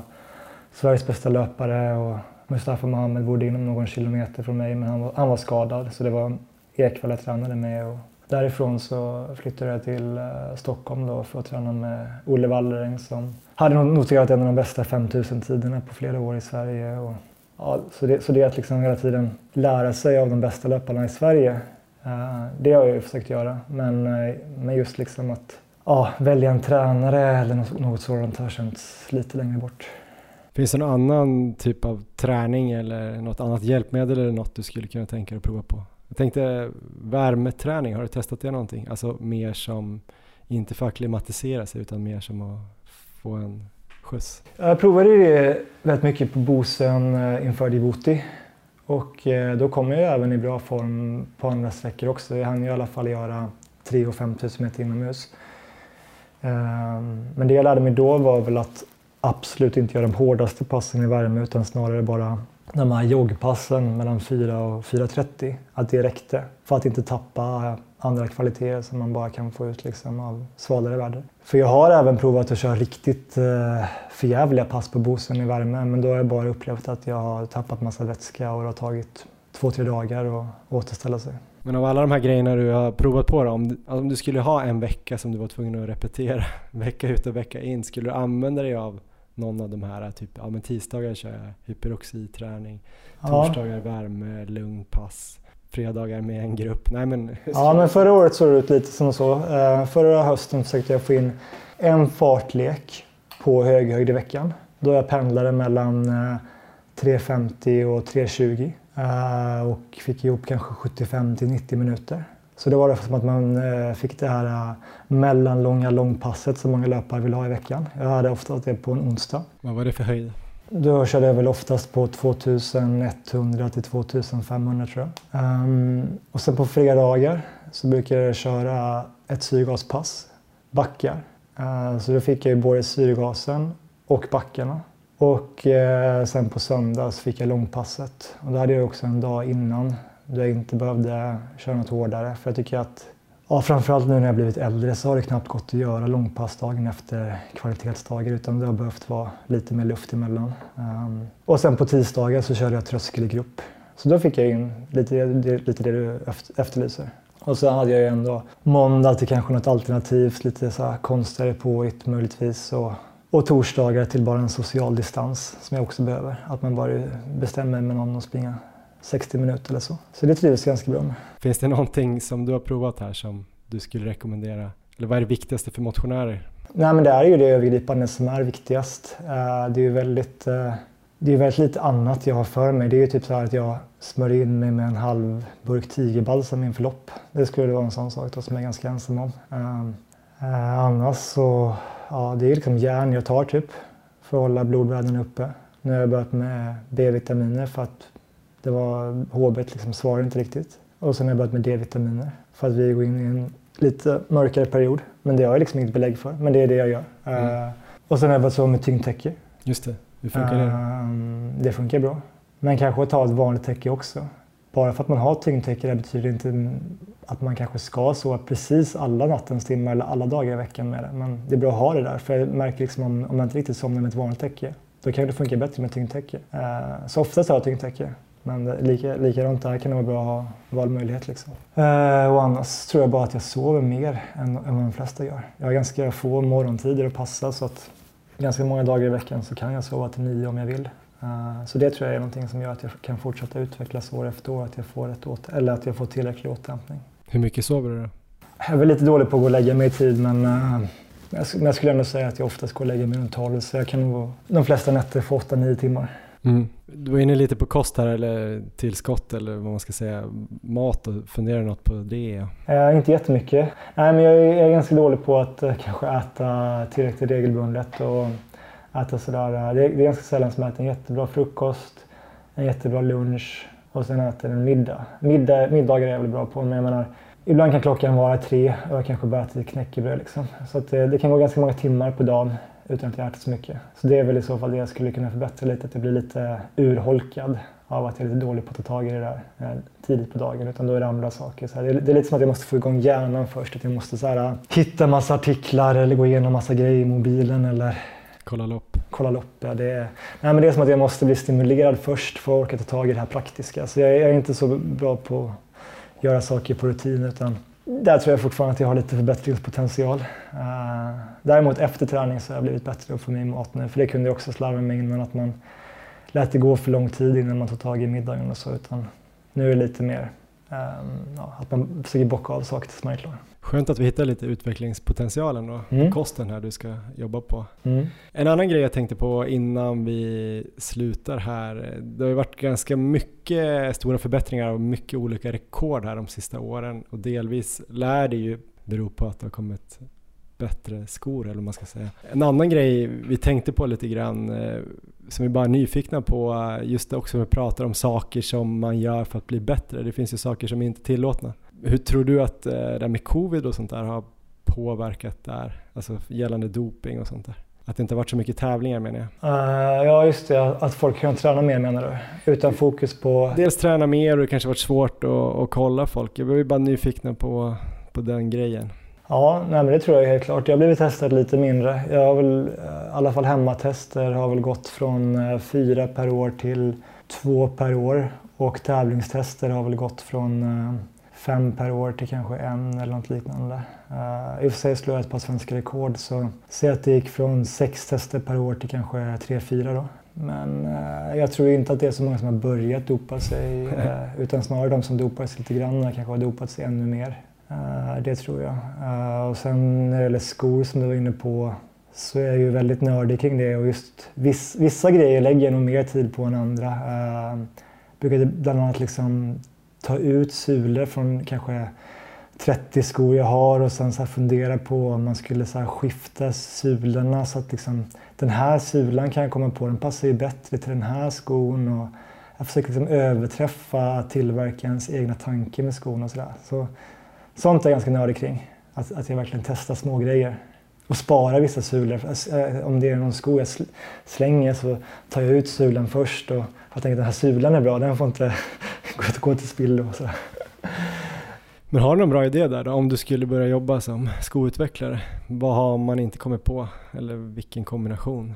Ja, men det finns ju en viss typ av skor som jag tycker underproduceras.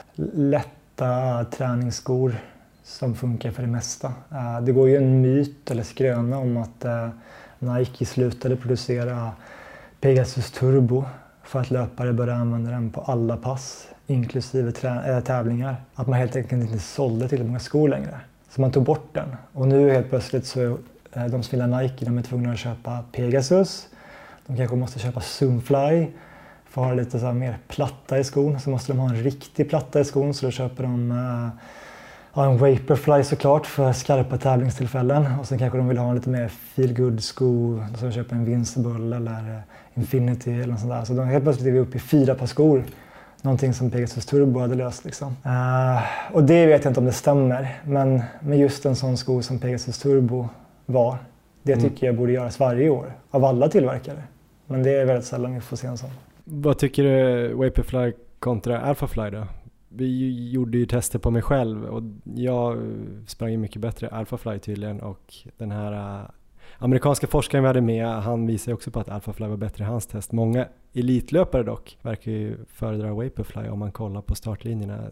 Ja. Är det för att ni springer på ett annat sätt eller vill ha den här lättheten? Ja, men till att börja med så blir vikten en större fråga ju längre man springer. Så på en mara är det ju viktigare att väga lite. Det ser man ju också på de bästa löparna. De väger ju mindre i maraton mm. än i världseliten på 1500 meter. Och när jag själv jämför Alphafly och Vaporfly så känns, den, så känns Alphafly snabbare och mer ehm, ja, löpekonomisk på kortare sträckor. Mm. Upp till cirka en timme. Medan Vaporfly som är lättare blir bättre för maror och ja, kanske Lidingöloppet. Och det är ju lite tvärt emot vad folk fick för sig i början bara för att Alphafly marknadsfördes som den ultimata maratonskon i och med um, sub 2-försöket eller sub 2-lycka. Det, det lyckades till slut också. Mm. Men nu tror jag några börjar komma på det. Um, de belastar ju också annorlunda. Det är många som får höftkänningar av Alphafly för att den tonar ut vissa impulser mer än vad Vaporfly gör. Som då sätter sig i höften för någonstans ska kraften ta vägen. Att man typ sätter ner fötterna för hårt i Alphafly på något sätt eller? Eller vad tänker du att man inte känner av underlaget? Eller? Uh, jag, jag kan faktiskt inte säga det exakt. Uh, men den är väldigt avlastande för vader och då tror jag att den kraften går högre upp yeah. och landar i höften. Så på maraton så är det viktigaste att ingen muskel blir för överansträngd för då börjar den krampa att eh, ansträngningen i baklår, framlår och vader blir lika stor för man ska orka hela vägen.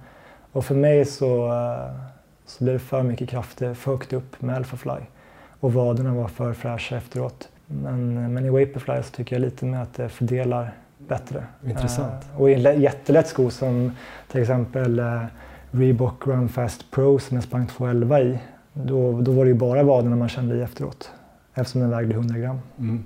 Så du tänker kanske att de här testerna som man gör, eller som jag också gjorde, då sprang jag ganska korta ja. drag liksom och då kan jag få bra Precis. syreförbrukning på Alphafly men att jag kommer kanske få problem då med min baksida lårkramp om jag kör Alphafly i Valencia. Ja precis, har du gjort åtta tester med en veckas mellanrum och sprungit två timmar, tio slag under tröskel. Mm. Då kanske inte Alphafly hade varit löpekonomisk sista kvarten. Nej. Det är ett projekt här för vintern. Mm. Får jag låna dina svärföräldrars skjul eller? Ska jag göra det i olika höjder också? Nej, du får införskaffa ett löpband här hemma. Ja, jag ligger i förhandlingar. Ja. ja, men David Nilsson, det var ungefär vad, vad jag hade idag. Väldigt blandat, inte så mycket fokuserat på någon visst lopp eller någon prestation eller sådär. Det var ju bra va? Ja, att det inte var så aktuellt. Ja. Tack så jättemycket. Ja, tack själv. Ja, det där var alltså en intervju med David Nilsson och man kan konstatera att eh, löpning är världens enklaste idrott om man då inte heter David Nilsson eller lyssnar på Maratonlabbet. Eh, för det finns ju alltid något att prova på eller optimera och just nu har jag börjat samla in offerter på att få göra ett Eh, en egen klimatkammare i mina svärföräldrars gårdshus uppe i Östersund som jag ska kunna ha när jag är uppe på semester. Nej, men eh, kul att eh, få prata lite med David och eh, ja, han är en eh, intressant löparpersonlighet. Eh, snappar upp någonting här i intervjun som du ska börja prova? Ja, jag har väl vilat en hel vecka i onödan här känner jag. Jag, ska alltså, jag hade kunnat springa baklänges här hela veckan kanske. Just det, det var ett otroligt bra tips. Man vet ju inte om han eh, drev med mig just där. Nej, det gör man inte. sprungit eh, en, en timme baklänges, men eh, ja, jag vet inte. Det var andra saker som jag ifrågasatte lite grann för mig själv när jag hörde dem. Men sen har jag dubbelkollat och han har ju den där klimatkammaren och sina svärföräldrar ute på Värmdö och sådär. Så att ja, det borde du kanske testa på nu när du börjar gå tillbaka till gymmet också. En timme baklänges på löpan fullt av 15% slutning framlänges. Ja. Så är det där borta och du kan springa både Valencia och i Växjö. Fantastiskt. Men då provar jag helt enkelt att springa vanligt imorgon. Funkar inte det så kör jag baklänges på tisdag. Grymt och jag vill då ha eh, bildbevis. Eh, det ska vi kanske kunna ordna. Men, eh, ja, men det är intressant att höra Davids alla erfarenheter av att ha provat de här grejerna. Det är mycket som jag har varit sugen på förut och funderat på. Ett tag var jag inne på att skaffa ett sånt här höghöjdstält hemma, så jag började kolla på det och eh, spana. Det var inte så lätt att kunna få tag på det märkte jag. Så att jag gav väl upp det lite. Nu verkade han ju inte superpositiv till det ändå. Det verkar ju som att ja, det kanske har en effekt, men han är lite osäker. Det kanske blir en grej han provar igen framöver. Eh, Så att eh, just det där med hög höjd kanske han inte var jättepositiv till. Men eh, var det något annat som du tyckte liksom sticker ut och som du känner att ja, ja, men det där ska jag nog kanske lägga in i min satsning? Jag tror nog lite av de här enklaste grejerna, typ springa mer kanske i grupp. Ja. Att då kanske hamna i klungor, eh, antingen på lopp eller att man springer med, typ som jag har gjort lite grann då, Fredrikshof, eh, som jag inte har fått till så himla mycket nu, men eh, alltså bara kanske springa där och ta rygg på någon som man kanske inte riktigt eh, skulle klara av att ta rygg på vad man tror, men att eh, just det kan ge ganska mycket. Han var inne där på att man får bättre löpekonomi, att man kanske kommer in i en grupp och springer lite bättre och sådär. Den grejen körde ju Viktor Smångs rätt mycket när han eh, slog igenom. Att han sprang med Fredrikshof och så bara hakade han på den snabbaste. Och jag säger inte att det passar alla och att alla blir lika bra som Viktor Smångs. För att han är ju någon sorts supertalang. Men eh, jag menar bara, jag tror det finns, eh, ligger lite i det där att man kanske anpassar sig, inte då bara att man kan pressa sig hårdare utan att man också springer faktiskt bättre av att springa med folk som springer bra. Jag tror på det faktiskt. Man blir som en hund i en stor eh, hunddagisgrupp, att man börjar bete sig som de andra bästa hundarna i den hunddagisgruppen. Det tror jag i alla fall att man gör. Jag har ingen koll på hundar. Ja, Men eh, ja, du fattar vad jag menar. Det tror jag. Sen tyckte jag det var intressant eh, skosnack faktiskt vi hade där på slutet. För det tror jag kastade om hela min plan inför Valencia. Jag har ju sagt här att jag ska köra med Alphafly. Och efter att vi pratade där i slutet om eh, varför inte eliten kör så mycket med Alphafly utan att de kör Waperfly Vaporfly så har jag börjat känna att vad fan, jag kanske ska köra Vaporfly ändå men är det just Vaporfly som ditt val faller på då? Du hade ju också bra resultat med Adios Pro där. Ja, men i sådana fall är det nog Vaporfly, för jag, jag upplever ändå att eh, Adios Pro och Alphafly är, eh, alltså jag säger inte att de är exakt lika, men båda är ganska uppbyggda och lite så här vingliga, eller vad man ska säga, när man bara går i dem. Men blir väldigt rappa och snabba när man springer. Och jag tror så här, skulle jag tävla mot mig själv på en timmes löpning då, som David var inne på, då kanske Alphafly skulle vara bättre, för jag skulle kunna orka hålla uppe steget. Men att jag kanske kommer um, bli trött typ i baksida lår eller höfter mer med Alphafly än med Vaporfly där jag kanske får ett lite mindre kraftfullt steg som jag då kommer tjäna in på lång sikt, alltså på en mara-distans. Eh, jag kände faktiskt det lite grann, jag tänkte på det när jag hade pratat med honom, men sen när jag sprang det här 15 kilometer eh, i marafart så fick jag lite känslan av att jag efter ett tag, alltså det gick ju bra hela passet, men jag kände att jag kanske tappade den här riktigt grymma känslan som jag hade första fem kilometerna kanske. Och började känna att det här började bli lite ansträngande på ett sätt. Ja, jag vet inte, det är någonting med det här droppet tror jag. Men är det de här tidigare kramptendenserna som gör att du ändå går ifrån den här skon som du ändå hade klart bäst eh, testresultat i? Ja men precis, han var inne på att eh, man får högre belastning högre upp i, eh, i benen då mot höfter eller baksida lår och sådär och att man kanske anstränger dem mer än då kanske vader och sånt och det har jag ju verkligen sett eller känt. Jag har ju inga problem med hälsenorna nu i stort sett. Det är klart att jag känner lite grann ibland och de är ömma om man trycker på dem och sådär men det är ganska bra där och jag kände efter både Stockholm Marathon och sen eh, det här eh, progressiva långpasset att jag var väldigt fräsch i, i vaden och jag fick ju ingen kramp på mitt progressiva långpass och det var ju i eh, Vaporfly och eh, jag fick det väldigt sent på Stockholm Marathon. Så jag bara började känna att äh, men det kanske är ett bra val. Jag tycker de är lite mer bekväma också, så här, lite bättre komfort. Ja, lite dumt kanske att göra tvärt vetenskapen och det hade varit kul att se ditt test som du tänkte göra. Ja, just det. Eh, som du nu inte kunde göra för att du både blev sjuk och hade ont i baksidan där. Att du skulle springa och göra testet och sen springa ett långpass och sen testa igen och se om det hade förändrats något på ditt resultat. För då hade man kanske känt där att ja, men då kanske, säger vi, om nu Alphafly hade presterat bättre än Vaporfly på det första testet om de då hade kanske varit likvärdiga på andra testet, då ja. hade man kanske varit en ledtråd till att det här är ett bra beslut. Men aj, skitsvårt, vi får väl se. Det är väl det jag får älta här då sista veckan. Att, eh, om det är något jag ska sitta och grubbla på under veckan så är det väl det här skovalet. Ja, men det är en ganska bra grej att sitta och grubbla på. Jag kan väl nämna det också då att det här testet eh, siktar jag på att göra i början av nästa år istället. Nu kommer det inte fungera här med tanke på mitt lopp och eh, om jag ens kommer liksom kunna springa nu framöver de kommande veckor. Men det positiva är i alla fall att jag dessutom kommer kunna få med Asics Metaspeed Edge i mitt test nu också. Och det är ju en sko då för löpare som har högre kadens så ska den vara extra bra så att det blir ju väldigt intressant att få in den, få in den skon också i det här testet. Men i övrigt Johan så tycker jag att eh, jag har en idé här med tanke här på David och alla hans eh, idéer. Kan vi inte bara bygga om ditt torp och köra allt? Vi kör höghöjdstält, vi kör värmekammare, vi kör allting. Tror du Emma är med på det? Jag tror kanske att vi kan göra om stallet, för där håller vi på, det har ju varit som förråd där, den där lilla ja, gäststugan som inte har varit gäststuga, som ska bli gäststuga, men vi kanske kan eh, göra om den planeringen och göra det till en klimatkammare. Det är inte helt omöjligt. Jag tror att eh, Emma är rätt taggad på det här med hyperoxi och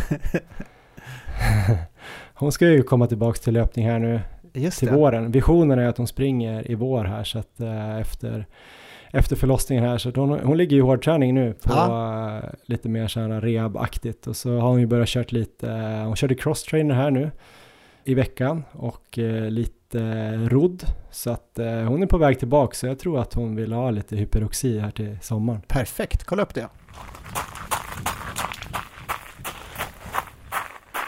Men då har vi en vecka kvar Johan till Valencia Marathon. Vad är det som kommer hända framöver för dig nu? Ja, men det som kommer hända är att jag kommer ha en väldigt lugn vecka hoppas jag där jag ska samla väldigt mycket energi och eh, goda tankar om livet och min löpform tänker jag.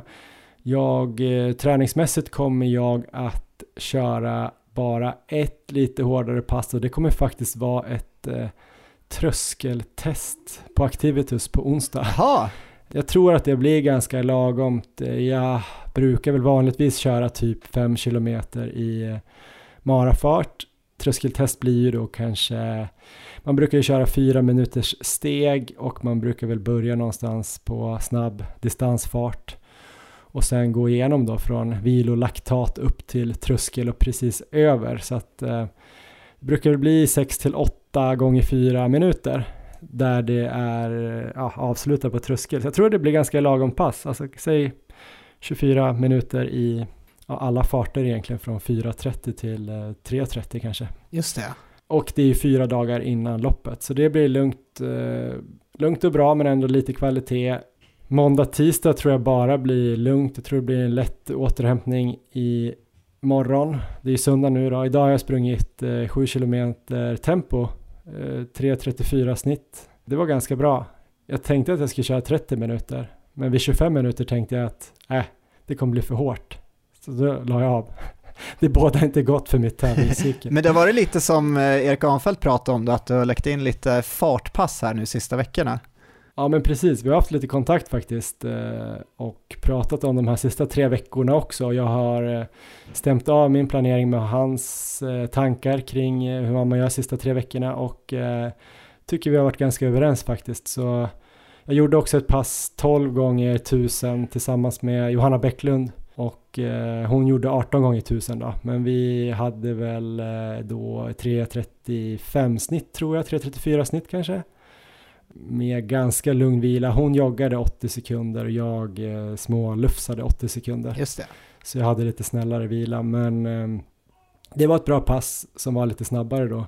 en marafart och så körde jag nu då den här, han brukade köra en mil ganska hårt, hyfsat nära en mara. Och så ursprungstanken var väl det. Sen så förhandlade jag ner det med mig själv då till 30 minuter. Och sen under, jag startade för jävla hårt. Det var eh, medvind och jag kollade inte vilken hastighet jag sprang i, utan jag sprang bara på känsla. Men eh, det var ju medvind som sagt och jag sprang då kanske första biten någonstans eh, 3.25 och sen fick jag väl sota lite för det när jag vände om i motvinden. Men pulsen låg så jäkla lågt, alltså det var, jag hade väl snittpuls då på 160, det är ju 10 slag under min tröskel och hade snitt på 3.34. Så jag vet inte om det är båda gott eller dåligt att jag är nedtränad, att jag inte fick upp pulsen. Men eh, vi får väl se på onsdag helt enkelt. Det kan ha varit också, det var ganska kallt idag runt nollan så det trycker ju ner pulsen lite också. Och jag var uppe på 165 som värst så jag var nog kanske nosade på min tröskel. Hade det varit liksom 20 grader på ett testlabb så hade jag kanske haft 170. Så jag låg nog hyfsat bra.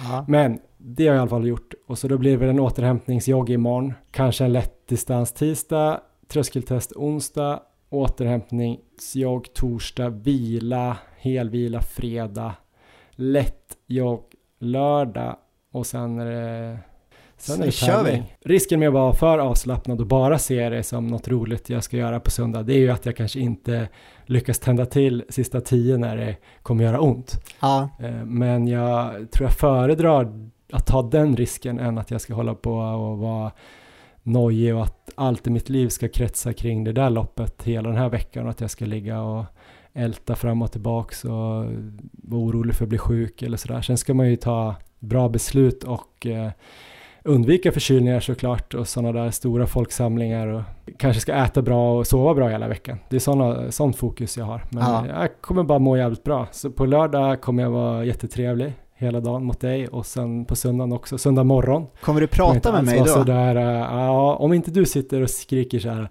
Kom igen nu för helvete! Kom igen nu Johan! Kom igen nu kör vi för helvete! Då kanske jag kommer bli lite tyst. Jag kan inte lova något, men vi får se. Nej. Vill du höra ja. mitt drömscenario Johan, för Valencia? Ja, gärna. Kan du gissa det till att börja med? Vad tror du jag vill se? En stor bankett på vår takterrass efter loppet. Ja, det vill jag. Eh, men under loppet, jag hoppas ju att du får till ett riktigt kanonlopp här. Och att du bara, ja, du håller planen i tre mil och sen så bara lägger du en sista 12 kilometer där som bara ökar som ett långt stegringslopp. Men sen så hoppas jag att få se en sån här Valencia recap från 2019 när vi var där. Jag hoppas att du är helt utslagen sen i sjukvårdstältet och att jag får ta hand om dig. Jag får köra den här promenaden hem, du går med spypåsen och sen så är det omvänt, men att du har lyckats nå ditt mål och liksom nå dit. Så det, det är den visionen jag har då, då kommer det vara succé. Ja, jag ska se vad jag kan göra. Jag tror inte riktigt på den där grejen att ligga sjuktältet efter ett perfekt lopp. Jag tror ju man gör det efter ett dåligt lopp. Men ah, vi får väl se. Kanske jag ska, alltså. kanske, kanske kan eh, samma där, att jag precis eh, trillar över gränsen sista hundra meterna. Och så jag kan dra någon spya på vägen hem. Jag ska försöka göra mitt bästa. Vad kommer du göra i Valencia då? Jag kommer vara där och eh, försöka agera lite sportjournalist här, så att jag kommer ju följa det här loppet. Jag kommer dels då, om eh, mina ben håller, springa med i cirka en mil. Jag hoppas att kunna kanske filma lite längs vägen. Jag ska hålla farten framför allt, men förhoppningsvis ska vi få till lite bilder där också från första 10 kilometerna och sen kommer jag bara springa runt och serva och försöka filma dig och eh, lite andra helt enkelt. Så att det är väl bara att följa oss på Instagram där på söndag så kommer det komma upp massa stories förhoppningsvis om jag klarar av det tekniska. Och så får vi hoppas där att eh, du levererar på banan. Ja, och sen hoppas jag att du levererar på kvällen, för jag har utsett dig till bankettansvarig faktiskt. Grymt! Att, eh, det är otroligt mycket trevliga löpare som ska dit, har man sett på Instagram och sådär um, stora horder av svenska duktiga löpare som uh, vissa tror jag lyssnar på Maratonlabbet. Vi kan väl styra upp någon, någonting kul där på kvällen. Jag har för mig att det var på en riktigt bra bankett 2019. Just det, det var vi. Uh, vi kanske kan försöka trumfa det. Men annars då, gå in och kolla på vår Instagram där vi heter Maratonlabbet. Om inte nu i veckan så i alla fall på söndag. Strava, där är det kul att gå in nu på Erik Olofsson och se så här 0 0,0 den här veckan. Eller inte så kul, det är deppigt, men det är jävligt ovanligt. Så att man kanske ska passa på. Ja. Johan Forsstedt, eh, bra snitt, också ovanligt, fina staplar. Jag kan ju lägga upp där då från mitt eh, måndagspass här, alltså när vi släpper det här avsnittet så har jag ju sprungit ja. då dagen innan och där kommer jag då skriva lite om det passet och där kan jag väl meddela då om det blir start i Växjö eller om jag går på säsongsvila. Ja, väldigt spännande. En annan grej som är, kommer bli spännande och roligt, det är ju det här äh, lägret som vi bara vill äh, påminna om med Ving som vi kommer ha till, äh, eller i Mallorca i Alcudia närmare bestämt 7 till 14 maj är tanken. Det återstår fortfarande lite planering men det kommer med all sannolikhet om inte solen ramlar ner bli av och eh, då kommer det vara ganska maraton och halvmaratonanpassat eh, träningsläger helt enkelt. Det kommer vara fina eh, havsstrandsdistar. Det kommer vara eh, sån här tröskelträning på lång rak grusväg. Det kommer vara mysfina pass i bergen. Det kommer vara en blandning. Det kommer också kanske vara typ ett sånt här Hanna Lindholm, eh, typ lite såhär jordbro, industriområde. Vi kanske får in det också. Alltså det kommer vara blandad löpning men fokus på att eh, ja, men ha kul tillsammans med andra löparvänner men också träna hårt och bra. Det kommer ju ligga då ungefär en vecka innan eh, Göteborgsvarvet och tre veckor innan Stockholm Marathon. Alltså det kommer sluta då en och tre veckor innan. Så att eh, man kommer ha en riktigt bra sista hård träningsvecka för båda de här loppen och vi kommer kunna anpassa då ut efter vilka mål man har då i de här loppen. Så jag tror att det kan bli riktigt, riktigt kul. Så att skriv in det i almanackan, eller vad säger du Erik? Ja men verkligen, och det kommer vara massa god mat och härligt snack och bad och annat emellan också. Så det kan ju bli en av årets höjdpunkter. Vi kommer återkomma med mer information kring det och eh, annars så var det väl inte så mycket mer eh, vi skulle säga i det här avsnittet va Erik? Det var det inte, utan nu laddar vi för Valencia först här. Stort lycka till där Johan, det ska bli riktigt, riktigt spännande att följa. Tack Erik, vi ses på lördag. Det gör vi.